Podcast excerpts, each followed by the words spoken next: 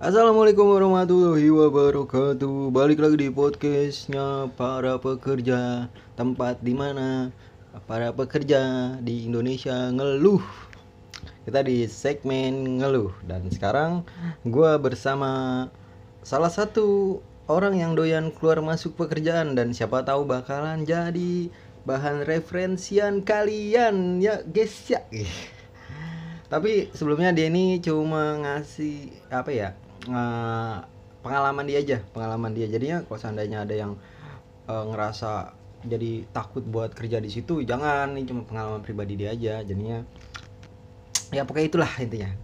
Kita bersama Ahmad Lutfi Hamid ini ya. Oke, terima kasih Bung Rian Gitu. buat malam ini ya. Mm-mm. Gue mau perkenalkan diri nih sekarang. Ya perkenalkan diri lo. Boleh, boleh. Perkenalkan diri gue, gue Lutfi, biasa dipanggil Junot. Mm-mm. Selalu. Terus apa lagi? Umur lu berapa? Umur gue sekarang udah anjak 26 tahun semenjak gue kemarin lahir di Bogor.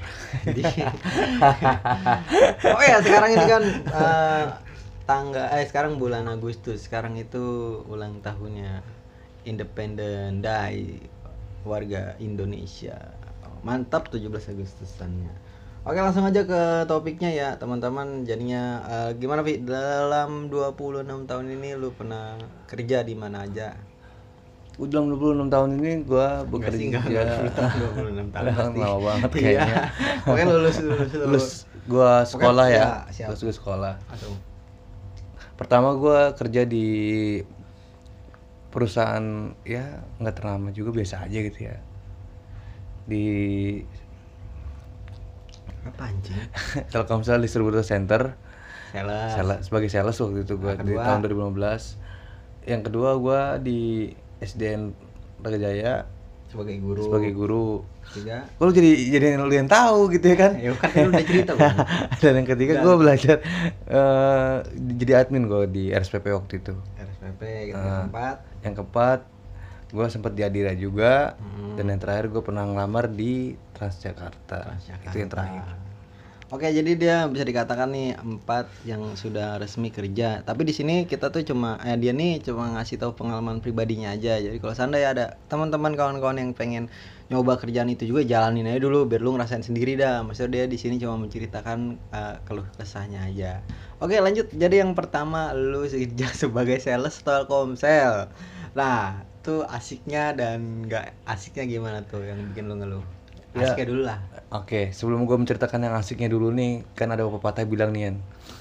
Pepatah dari Majalengka, dia bilang gini, Ya malidendaka ke anaka tamu togodan. Hmm. Bekerjalah kamu seakan-akan kamu hidup seribu tahun lamanya. Nah, Hmm.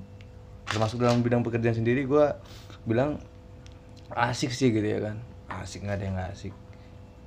Eh, asiknya di sales ini gue nerima apa namanya omongan-omongan gitu ya kan. Kayak gue banyak ngomong di sana ya kan. Hmm. gue banyak bercerita keluh kesah. Dan di sana ya tergolong apa sih namanya smooth ya smooth. Yang nggak terlalu nggak terlalu keras juga nggak terlalu capek juga gitu ya kan cuman kita mema- mengandalkan akal dan pikiran kita aja nih kalau kita mau dapat gaji banyak ya kita kerja keras kan gitu ya sales. sales itu sebagai sales sih maksudnya Hmm. orientasinya ke mana nih ya kan kalau gue sih lebih uh, money oriented ya kan Hmm. gitu maksudnya asiknya di situ ada target pencapaian target itu dalam target. kehidupan Iya, misalkan kayak lu udah mencapai target gaji lu gede. Ya, Kalau lu iya. pengen yang nganggur ya nganggur ya gaji udah, lu segitu-gitu aja. segitu aja udah terima nasib ya kan Nah, ngeluhnya gimana tuh di? Hmm. Bisa di salesnya Telkomsel. ya memang kalau dari keluhannya sih memang nggak jauh sih daripada sales-sales umumnya gitu ya kayak contoh dia nggak ada target ya target itu ya pasti sih gue bilang sales.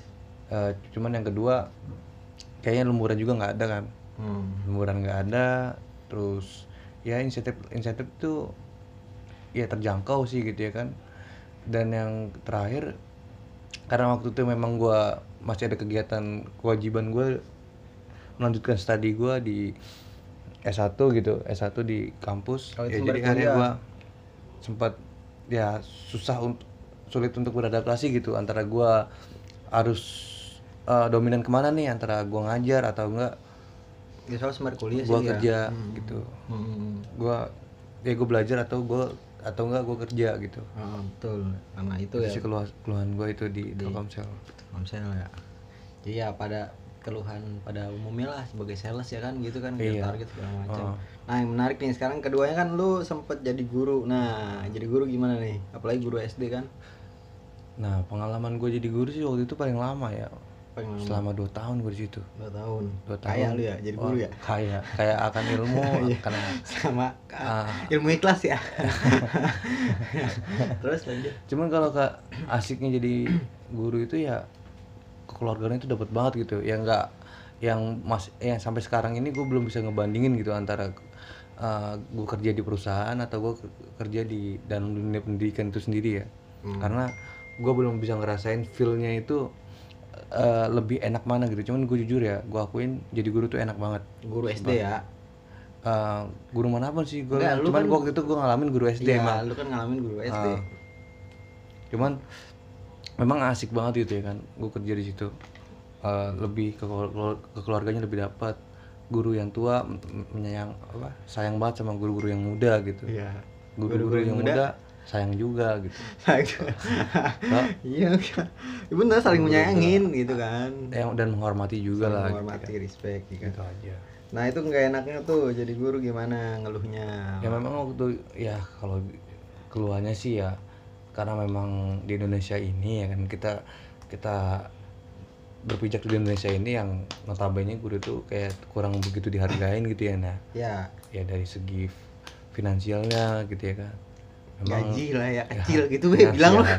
susah banget bilang gaji kecil dong Ya. gaji kecil eh, terus namanya hidup ya kan terus Ya.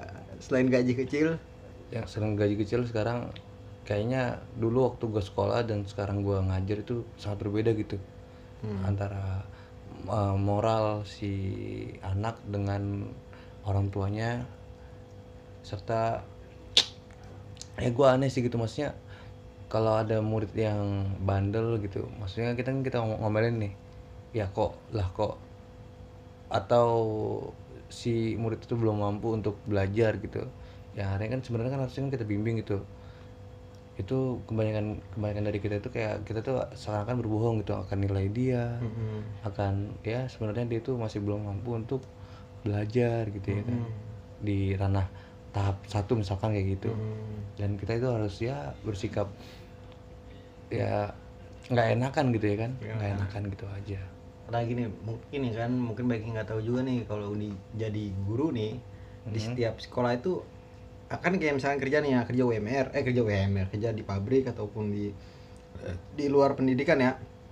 Kan gajinya ya tok UMR entah itu UMR Jakarta Depok gitu ya Jakarta oh, Cikarang segala macem. Nah kalau seandainya guru ini dia UMR juga apa emang ada tingkatan fee-nya sih artinya tuh apa namanya gajinya sih kayak gitu cuma pengen tahu aja oh terakhir sih gue bilang eh, gue Sesuai apa sih? Ada- dikabarin ya hmm.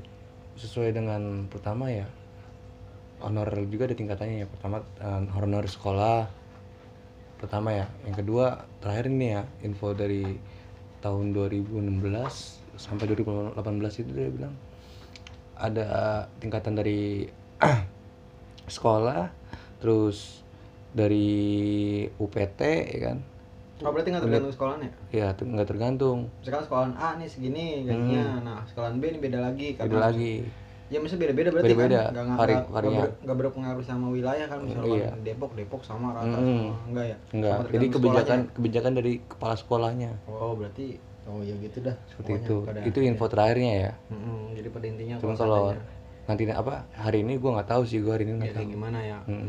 Si Kone itu berapa? Tahun tahun 2000 berapa sih? 2016 gua 2016 17 ya? iya Ya pokoknya waktu itu. itu nerima sa nggak usah nggak nggak usah disebutin nominalnya cuma Iya. ya pasti di bawah UMR lah di bawah rata-rata lah pokoknya kan di bawah satu juta jadi rahasia enggak soalnya Enggak, jadi guru udah jadi rahasia ra- umum, rahasia umum ya? tapi nggak boleh sebutin biarin aja Emang jadi siapa tahu ada yang satu juta ke bawah yang penting. Kita ada yang berminat mau jadi Iya, guru mau mau jadi guru. nyoba dan merasakan nggak apa-apa. Tapi emang enak. Biar dirasain dulu sama dia. Nah next kan lu jadi apa? Sempat kerja di mana? Di rumah sakit. Rumah sakit admin. Nah gimana tuh nah alhamdulillah di sana gua enggak rumah sakit admin apa sih? Rumah admin telekonsul. Pada waktu Kerjaan itu. ngapain? kerjaan gue ya ah, melayani pasien-pasien ya kan yang mau mendaftarkan untuk konsul ke dokter-dokter Oh, kayak bisa gitu. kayak kayak di sinetron-sinetron nah, yang ada orang miskin nih mau daftar bisa nggak di nggak nggak gitu nggak gitu nggak salah kan gitu. sering gua di, di sinetron gitu ya kan. mungkin kalau misalnya kita kan Enggak lu kayak gitu nggak? ya enggak Konsul-konsul gitu apa gimana sih? ya berkaitan dengan ya berkaitan juga sih dengan contoh administrasi Iya ya kayak kan. gitu ya. syarat-syaratnya seperti apa kalau mau asuransi gitu Sebenarnya gimana tuh? ya serunya asiknya ya emang kalau di sana kan memang kalau keluarganya juga da- dapat juga sih ya kan kayak keharmonisasian keluarga keluarganya dapat gitu kompakannya tapi ya sayangnya memang setiap kerjaan juga kan ada yang nggak asiknya ya kan Hmm. yang nggak asiknya mungkin ada juga yang cari muka Oh itu Ya kan? iyalah. Ada yang juga di yang- dunia pekerjaan mah keras. Hmm. ya kita kan di sini kan pengen nyari duit gitu Hmm. ada juga yang mau nyari muka gitu ya Ada pasti Ada. gitu mah hal yang gitu mah Bahkan- lumrah. Ada juga yang beberapa juga yang gue lihat Ini ngeluhnya apa? Enak sih lu tuh cerita kita? sebenarnya kalau di sini banyak yang ngeluhnya gue Ah, yang karena memang santai. mungkin eh gue kebanting setir gitu ya. Antara gue pernah jadi guru langsung kebanting setir langsung masukkan ke per- perusahaan. Dunia- dunia, dunia perusahaan pekerjaan. kerjaan. Yang notabene itu lebih Wah keras, ikut Wah, ikutan segala hard- macam, gila bro. banget gitu ya. Work, work apa namanya? Hard work ya? Hard work. bukan hard rock hard Ya, work Emang keras kalau Hmm. pekerjaan itu. Hmm. Oke, nah pokoknya di eh, rumah sakit itu bisa dikatakan lu banyak baik yang sakit ya baik yang sakit lah. Oke, langsung Iya. ke berarti kita ke nextnya. keadira Ah ya, lu sempat kerja di Adira nih, Oh. ya kan? Adira itu wah bisa dikatakan sangat perusahaan yang luar biasa lah. Siap sih nggak tuh Adira sekarang Iya. ini kan, zaman Ah, sekarang. yang mau minjem duit ya kan duit, ngambil motor segala macam, semua udah pada tahu pasti Adira. Gimana nih di Adira? Lu sebagai apa? Kerjaan lu ngapain? Waktu itu gue sempet jadi CMO ya kan? Chip chip bukan chip ya. Credit marketing office. Nah ya kerjaan gue ya seputar untuk menawarkan ini aja sih. Maksudnya pinjaman pinjaman dana atau nggak mau ngambil motor gitu ya kan. Hmm. nah asik sih gue bilang. Gue juga tim banyak, banyak kenal orang gitu ya. banyak Gitu. nggak yang ngomongin orang kayak bukan ngomongin orang gitu maksudnya banyak kenal orang. kenal orang gitu iya, ya kan banyak kenal orang. Lu belum banyak kenal orang, Bro. Iya, bukan ngomongin orang bukan Enggak lah, itu mah lu nggak perlu kerja juga bisa. Iya. gibah Gimana mah lanjut. ya selain dari banyak banyak kenal sama orang ya banyak gitu relasi-relasi kayak mau buat usaha sendiri atau apa nih Ya, karena emang lu jiwa usaha wirausahanya jalan gitu Jiwa. enggak Karena emang lu kan sering ketemu sama orang banyak, Iya. jadi referensi lu juga banyak. Segala macem gak enak gimana tuh kerja di situ. nggak enaknya Hmm.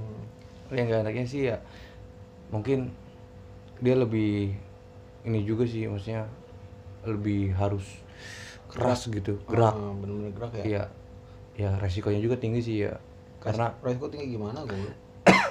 kayak contoh misalkan ada orang yang nggak mau bayar ya kita yang nanggung gitu ya kan itu yang gue nggak bisa apa Repot. namanya nggak bisa lanjutin gue di kerjaan di Oh, situ karena karena itu ya, salah Hmm. satunya lu ya. Dan ada beberapa sebab lain lah gitu ya. Salah satu itu Ya, maksudnya salah kan. satunya itu ya Gara-gara seandainya ada orang nggak bayar, lu yang kan yang gue yang bayarin Gue, ya gue gue nggak ada gue nggak ada angsuran tiba-tiba gue mikirin angsuran orang gitu ya kan Iya lah puyeng juga kalau gitu aneh, Iya. Oke, kita langsung aja ke mana? Transjakarta Terakhir nih. Iya, ini. Nah, lu kan sempet ngelamar dan diterima. Nah, terus gimana nih ceritanya? baru-baru kemarin ini sih emang gue lucu gitu agak sempat lucu gitu pengalaman gue yang baru banget buat ngelamar kerja gitu ya di tahap awal sih gue mikir "And ini perusahaan belum ketemu titik kejelasannya gitu ya kan Hmm.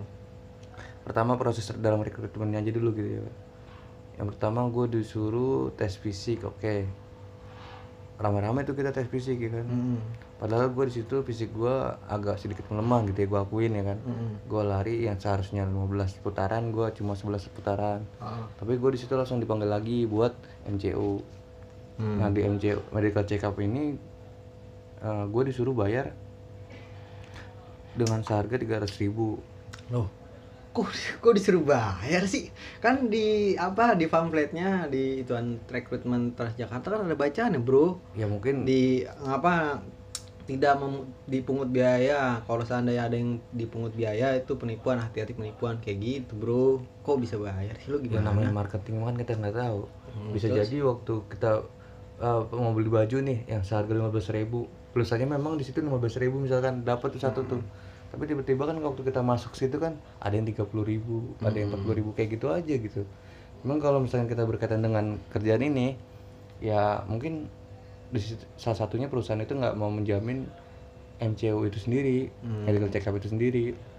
Cuman yang gue khawatirkan ketika kita medical check up dan kita eh, kita tidak menginginkan bahwasannya badan kita ini nggak enak gitu atau lagi kurang sehat dan dia nggak nggak terima yang akhirnya kita, ya Nggak gugur lolos. gitu. Nggak lolos gitu ya kan. Lu bayar? hilang gue bayar. Bayar tiga ribu. 13.000. iya nggak apa-apa. Nah di situ alhamdulillah sih gue untungnya lolos gitu. Kalau nggak lolos. mah ya allah namanya melayang tiga ribu kan. Mana mana lagi nyari kerja gitu ya Iya, kan. lagi banget nyari kan lah pegangan. Nah. Terusnya setelah dari itu lu berarti tekan kontrak? Iya gue teken kontrak PKWT waktu itu kemarin terus pas kerja. lagi PKWT gue disuruh eh apa namanya eh, bukan disuruh sih dikasih tahu gitu tentang kontraknya gitu. Alih-alih di situ gue ngeliat memang BPJS dan segala macam itu dijamin sih gitu. Cuman kok eh, empat persen ini dari rincian BPJS ini kita yang menanggung gitu ya kan. Eh, sedangkan yang gue tahu ya dari berbagai, berbagai perusahaan-perusahaan itu bisa menjamin setengah-setengah gitu ya kan. Nah gue nggak tahu setengah-setengahnya dari mana gitu. Hmm. sedangkan di situ 4% itu udah menurut gue udah mulai udah lumayan gede gitu kan. Ketika kita dipotong eh, gaji pokok kita dengan BPJS, kita. BPJS, pertama itu. Yang kedua berkaitan dengan eh, ini apa namanya deposit ya. Bahwasanya perusahaan itu nggak mau nerima eh, atau nggak mau gitu menerima kerugian. Iya perusahaan mana mau rugi nggak mau rugi gitu ya. Artinya dia itu mau gimana caranya nih? Si si, si karyawan ini nggak mau seenaknya keluar gitu aja gitu. Dengan- oh iya iya paham paham, paham gua. Jadi dia nggak ya bisa dikatakan jaminan lah Jaminan gitu ya. kan Mm-mm. Iya dengan jaminannya itu 600.000 ribu pertama. Lima ribu. 600.000 ribu. Nah di situ juga ada namanya buat beli sepatu Mm-mm. seharga dua setengah jadi total Nah, total sama BPJS kemungkinan semua le- hampir dari enggak 100 juta. dulu yang BPJS kita sampingin dulu nih Sampingin dulu. yang ini dulu nih Iya. total lu total gua buat pembayaran gua itu buat lagi pembayaran itu delapan setengah delapan ratus lima puluh ribu nah lu maksudnya lu sama perincian BPJS kan yang lu Iya. itu kan Hmm. nah ini 850 ini bayar di tempat apa nanti pas gajian ya katanya bisa sampai apa? Pas, pas gajian, gajian. Pas gajian dipotong Iya, begitu. gaji awal kita dipotong di situ. Nah terus lu berarti sempat kerja? Bu- gua nggak gua nggak sempat kerja. Karena terakhir ter- terakhir banget gua belum terima atau gua belum mampu gitu untuk ditempatkan di jauh. Oh ibaratnya di nggak sesuai sama domisili. lu. Iya. Oh berarti ini lu udah tekan kontrak nih? Udah tekan kontrak. Lu dan lu udah bisa dibilang udah dibayar kan 300 ribu tuh yang awal tuh. Mm-mm. Tapi nggak lu lanjutin. Gua nggak lanjutin. Udah tuh gitu aja. Gitu aja. Anjing berarti 300 tuh melayang tuh udah. Iya nggak apa-apa. Namanya juga kita sedang usaha berarti gitu. alasan eh, ibaratnya yang bikin lu enggak lu lanjutin kerja di Transjakarta itu apa? Penyebabnya itu ibaratnya yang lu udah ah kayaknya gua udah nggak mau nih. Nggak gua mau lanjutin. Dari berbagai rentetan rentetan itu sih yang yang nggak yang ada kejelasan itu sendiri gitu ya kalau kita sih mau aja gitu maksudnya untuk melanjutkan proses ini ya kalau memang itu jelas gitu kan. Oh, dan punya segi kemanusiaan lah sedikit aja gitu. Maksudnya contoh kayak domisili sesuai, Sesuai domisili gitu ya. atau enggak ya semua orang kan punya hitungan masing-masing gitu ya kan. Pasti. Eh, ketika ke depannya membaca bagaimana menghitungnya kayak gimana. Keperluan Keperluan- keperluannya keperluannya, apa kan. aja. Ya kalau dibilang mampu ya mampu gitu siapa sih yang nggak mampu untuk bekerja di jarak jauh? Cuman kan kita lihat lagi kalau misalkan dengan pendapatan segini eh, bahkan tidak ada Pengeluarannya gitu ya? iya pengeluarannya segini gitu ya kan? Hmm. kan lumayan juga. Bengkak juga kan kita kan? Iya apalagi lemburan nggak ada juga kan? Oh lemburan nggak ada juga ya? Mm-mm. iya sih kalau itu mah ya kembali lagi ke diri masing-masing diri masing-masing mau sih ya. cuman kalau memang banyak orang juga sih yang usaha juga di situ gitu. Ya mau gimana lagi ngusahain yang gitu ya? Usahain Ya sih emang ya cuman mudah-mudahan perlu sih ya kerja juga. Eh perlu, kerja duit juga. apa? duit. Iya Duit. maksudnya. Seharga empat ribu. Duit. Empat juta dua ratus. Duit duit. Ya gitu aja ya pengalaman gue ya. Iya emang Selam- gue pengen tanya gitu doang udah bro. Oke thank you ya bro ya. Lu iya udah lemes banget ini. Iya. Oke jadi gitu aja ya teman-teman. Jadinya bisa dibilang ah nih dia ada beberapa pengalaman pribadi dia yang udah kalian dengerin kan. Jadi ini memang be- bener-bener pengalaman pribadi dia nggak ada yang dilebihkan dan nggak ada yang dikurang-kurangin. Jadi cuma pure pengalaman aja. Jadi buat teman-teman kalau seandainya ingin mencoba-coba di bidang yang sama sama Lutfi ini, saudara Lutfi ini silakan dicoba langsung aja nggak apa-apa karena dia cuma berbicara di sini asal dari pengalaman pribadi aja. Oke, jadi terima kasih banyak yang udah dengerin di podcastnya para pekerja dan di segmen ngeluh ini. Oke, terima kasih banyak. Wassalamualaikum warahmatullahi wabarakatuh.